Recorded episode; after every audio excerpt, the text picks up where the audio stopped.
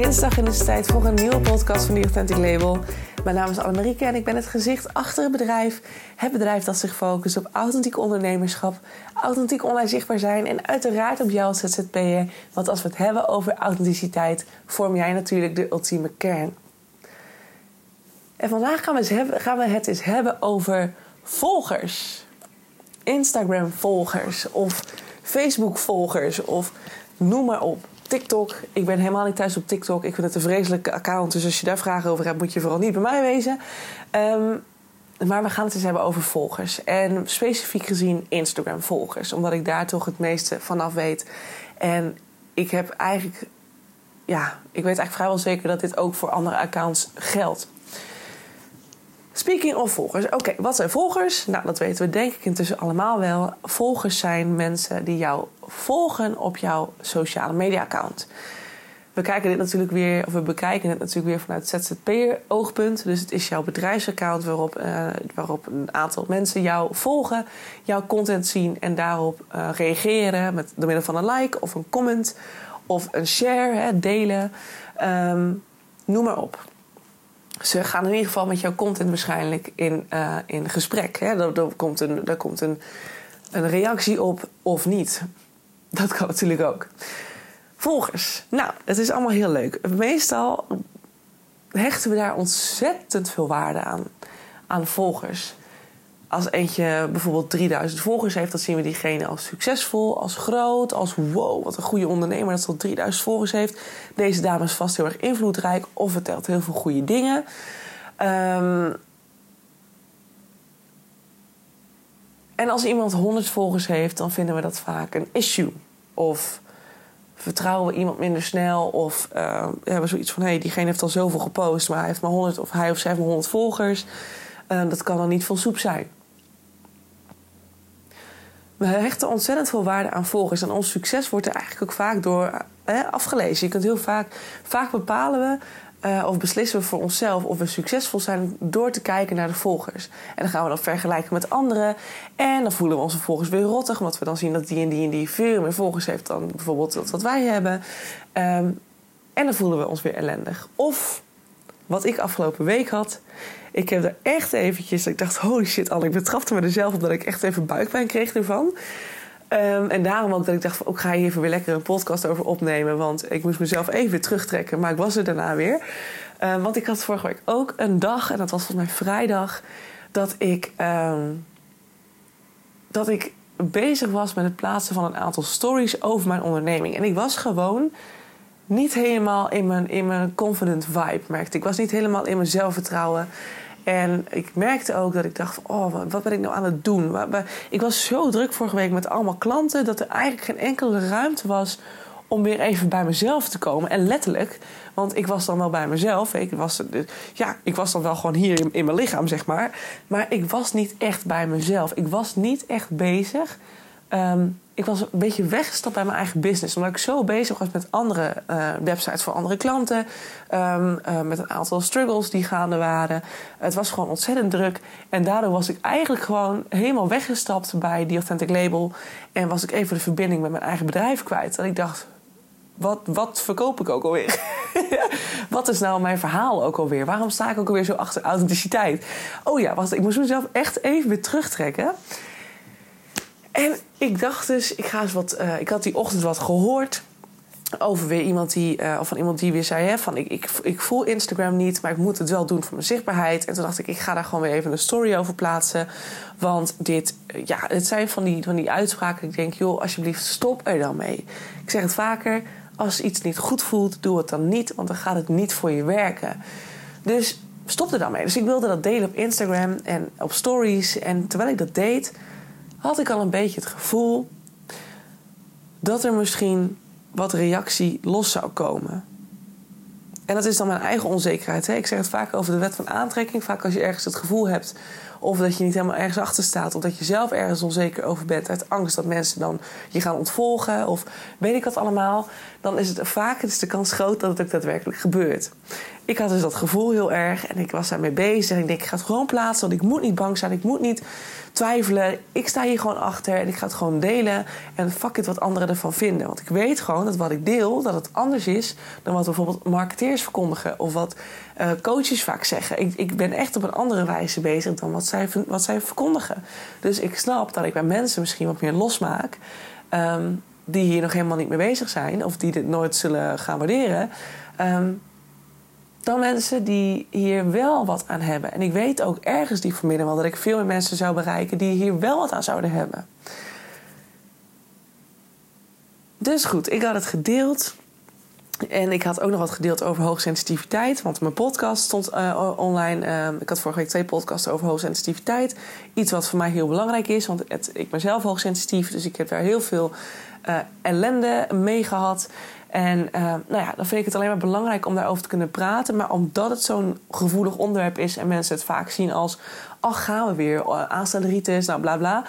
Um, vond ik het zelfs ook nog een issue om dat te delen. En dat ik denk: nee, weet je, mijn, mijn, mijn volgers, mijn community moet gewoon moet een community zijn met mensen die waarin ik dit gewoon kan zeggen. Dat ik mezelf mag zijn. Weet je, en als iemand dat dan niet waardeert en mij ontvolgt, dan zo so be it. Maar zoals ik zei, was ik vorige week op die vrijdag dat ik het postte gewoon een beetje onzeker. Omdat ik dus weggestapt ben bij mijn kern, bij mijn verhaal, bij mijn onderneming, bij wie ik was. Dus dat is ook wat ik uitstraalde. Ik straalde ook die, die onzekerheid uit. En speaking of de wet van aantrekking, dan ga je daar meer van aantrekken. Dus wat gebeurde er? In de trein naar huis, avonds. Ik was op kantoor geweest in Leeuwarden, dus ik ging terug naar Groningen. En ik zit in de trein en ik kijk naar mijn Instagram-account. Heel onbewust. Ik was gewoon even naar mijn account was ik gegaan. En ineens zag ik dat ik van de 554 volgers ineens weer op de 550 zat. Shocking. Wat? Oh my god, oh my god, oh my god. Helemaal de paniek erin bij mij.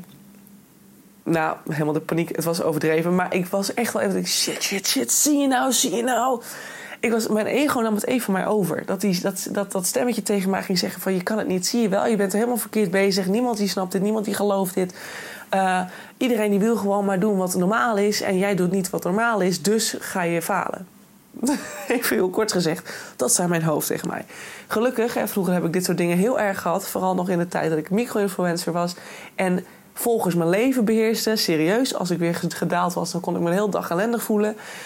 Um, Gelukkig had ik mezelf heel snel te pakken. Dat ik direct zei: Anne, nee. Want hier komt de clue van het verhaal. Volgers, dat is maar getalletje. En ik weet dat er mensen achter zitten. En het is oké als deze mensen ervoor kiezen dat dit niet met hen resoneert. Oftewel dat het, niet aan, dat het hen niet aanspreekt. Dat ze zich niet dat dit niet iets voor hen is. Dat zij op een andere manier naar kijken en dat ze gewoon zoiets hebben van: yo, weet je, allemaal goed met je, maar ja, dit hoef ik allemaal niet te weten, want het interesseert me niet. Ik ga op een andere wijze verder. Dus uh, ik ontvolg je. Dat is helemaal oké. Dat is helemaal oké. Okay. Maar toch, en dat is het psychische en het vervelende van Instagram, ons brein houdt gewoon van het zien van een stijgend getalletje. En niet van een dalend getalletje afhankelijk van wat, wat er natuurlijk voor getal staat. In sommige gevallen is een dalend getalletje natuurlijk beter. Maar we willen graag een hoger getal. Want een hoger getal aan volgers geeft vaak ons succes aan. En ook al zullen we dat niet heel bewust zo ervaren, onbewust gebeurt het wel. In het, in het onderbewustzijn, in het ego is dit wat er gebeurt. Hè? Een getal en een hoger getal, dat is met een geldbedrag, hoe hoger het geldbedrag en hoe meer je aan geld bezit, wordt gezien als succesvol. Daar heeft niks met geluk te maken. Het gaat gewoon om succesvol. Dus we houden heel erg vast aan het getalletje. En dan is dit dus één, heel belangrijk om te onthouden. Dat degene die jou ontvolgt, wees vooral blij. Wees gewoon bijna blij dat je denkt van... oké, wauw, ik ben blij dat diegene ervoor gekozen heeft... dat diegene heeft ingezien dat dit niet bij mij past... Dat, of dit niet bij hem of haar past... En dat diegene gezegd heeft van, nou, ik ruim de boel op, want ik wil gewoon alleen maar dingen zien waar ik blij van word, wat bij mij matcht. Dus ik ontvolg diegene. En dat, dat diegene dan blij is, want die hoeft mijn content niet meer te zien. En dat ik blij ben, want ik ben weer in die zin volgers kwijt die niet geïnteresseerd zijn. Dus wordt mijn content weer geshowd aan mensen die wel geïnteresseerd zijn. En die er daadwerkelijk wel wat aan hebben. En die wel blij worden en geïnspireerd worden van mijn content. Want 550 volgers, hè, dat zijn er best wel veel. Zet die in een zaal, weet je hoeveel dat er zijn? En er zijn er maar vier van weggegaan. Er zijn maar vier weggegaan. En dan ga je jezelf helemaal druk lopen maken over een dalend, over een dalend cijfertje. Die vervolgens nu weer aan het groeien is. Dan denk ik, waar, ben je nou, waar maak je nou zo druk om? Ik vond het een, mooie, een mooi inzicht weer. En waarom mij dit direct gelukkig, waardoor ik mezelf weer vrij snel weer bij de weer te pakken had, was door een ervaring die ik heb meegemaakt tijdens mijn periode als micro-influencer. Ik heb toen bijna 4000 volgers gehad. Ik was echt micro, dus ik was niet heel, was echt, echt niet groot. Ik heb nooit verder, niet, nooit verder gegroeid dan dat. Maar ik was groot genoeg om samenwerkingen te doen met hele toffe bedrijven. Ik had veel uh, engagement op mijn, op mijn content. Um, dus ik deed het eigenlijk heel goed. En dat was ook, mocht ook wel, want ik heb er heel veel tijd in gestoken. Dus ik was, anders was ik ook heel chagrijnig geweest. Maar goed, in ieder geval, dat was ook niet altijd het geval. Het ging ook heel vaak nog wel met ups en downs. Dat ik echt dacht, wat doe ik verkeerd? Ik ben zo actief. Um, maar het laat zich helemaal niet zien. Want ik, ik heb een dalend cijfer in volgers. Ik ben helemaal niet goed in mijn engagement op dit moment. Dus waar gaat het fout? Daarom zeg ik ook, neem het algoritme niet al te serieus. Um, heb ik een podcast over opgenomen. Mocht je er meer over willen weten, luister hem vooral eventjes. Um, maar goed, ik heb toen in de tijd van dat ik circa 3000 à 4000 volgers had, heb ik ooit een product gemaakt. Ik ben toen met kerstkaarten aan de slag geweest en die heb ik toen uh, helemaal speciaal voor de kerstdagen de, ontwikkeld. En die ging ik verkopen. Dus ik heb wat uh, stories gemaakt en wat gepromoot en een post geplaatst en een reel gemaakt. Nou, alles gedaan wat, moest, wat ik moest doen. Um, en ik denk, nou, ik heb zoveel volgers, er moeten toch minstens vijf verkocht worden. Minstens. Nou, misschien minstens tien. Ik had echt wel verwachting dat ik wel wat zou gaan verkopen. Ik had er helemaal zin in. Ik denk, lekker, let's go. En ik, zat, had het geplaatst en, en ik wachtte en ik wachtte. En een paar dagen gingen eroverheen. En uiteindelijk was het moment dat ik ze moest gaan bestellen. Want anders dan ja, waren ze er niet op tijd voor de feestdagen. En ik had maar één bestelling. En weet je van wie die bestelling was? Dan gaan we het ook gewoon helemaal open kaart spelen. Dat was van mijn familie. Het was niet eens van een volger. Terwijl ik, wat ik net zei, 3 à 4.000 volgers had. Ik had heel veel responsie altijd. Er waren veel mensen die waren engaged. We waren altijd aan het DM'en. Ik had met heel veel mensen interactie. Ik was ontzettend druk altijd met Instagram. En ik dacht dat ik veel fans had. Maar op het moment van de waarheid dat ik dan een product lanceerde die door mij dan gemaakt was en vervolgens hè, wat iemand daar, dat iemand daar geld voor moest gaan betalen, toen bleef dat allemaal uit. En toen dacht ik, wat de fuck, sorry, ik mag het niet zeggen, maar hoe dan? Hoe dan? Ik heb toch zoveel volgers. Ik zou toch minstens drie verkocht moeten hebben. Nu heb ik er één verkocht, superleuk, maar aan mijn familie die zullen met een alle tijden supporten. Dus dat ja, superleuk voor mijn familie. Thanks, pap. Maar ik bedoel maar. Het zegt helemaal niks of jij nou 3000 volgers hebt omdat je leuke content geeft. Het zegt helemaal niks over het feit of iemand daadwerkelijk ook verkoopt. Of iemand daadwerkelijk ook uh, uh, klanten binnenhaalt aan de hand van die, die volgers. Het kunnen mensen zijn die gewoon de content leuk vinden. Die dat gewoon waarderen. Die misschien het interessant vinden.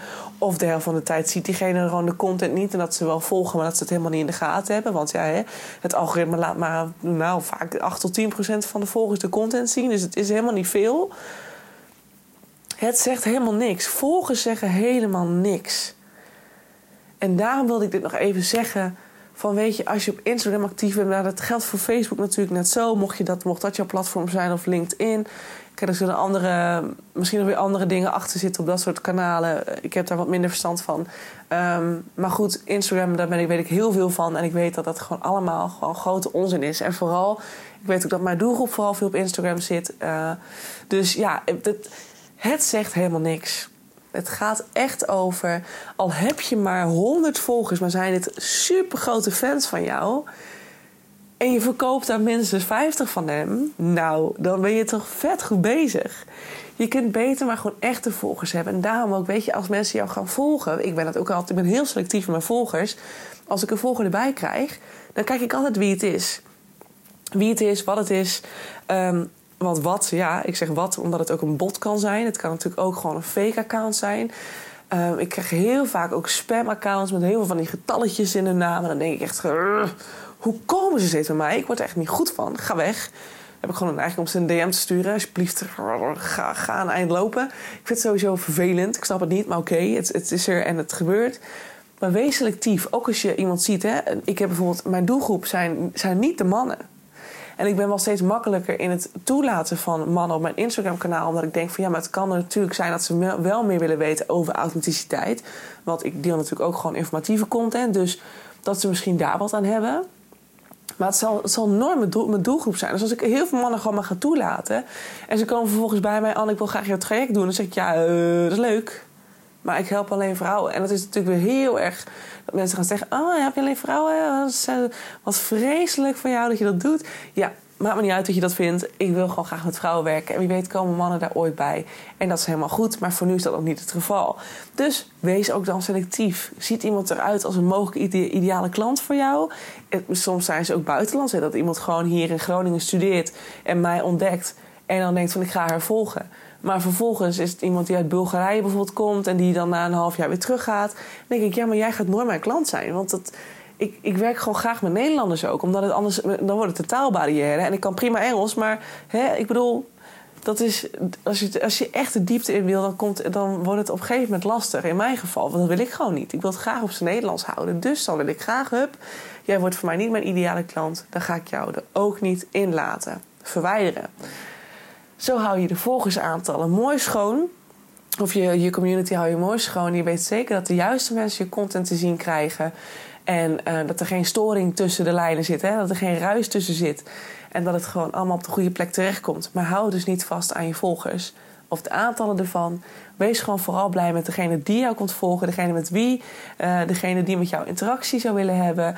Um, en wees daar vooral blij om. Want dat zullen uiteindelijk de klanten worden. En niet die andere 10.000 volgers die je misschien hebt staan die helemaal niemand wat interesseert en die helemaal, niet, die helemaal jouw post niet zien, die helemaal jouw content niet zien. En bijvoorbeeld ook volgers die 3000 mensen volgen. Ja, dan denk ik ook wel, joh, jij gaat mijn content ook niet zien. Dus jij wordt, jij wordt voor mij een soort ruisfactortje. Want het algoritme gaat dan wel proberen mijn post bij jou er doorheen te drukken. Uh, dan ben jij dus misschien een van die 10% die mijn content te zien krijgt. Maar je zal het nooit zien, omdat je zoveel mensen volgt. Dus ja, dat komt nooit bij jou terecht, ja. Dus weet je, ook die eraf.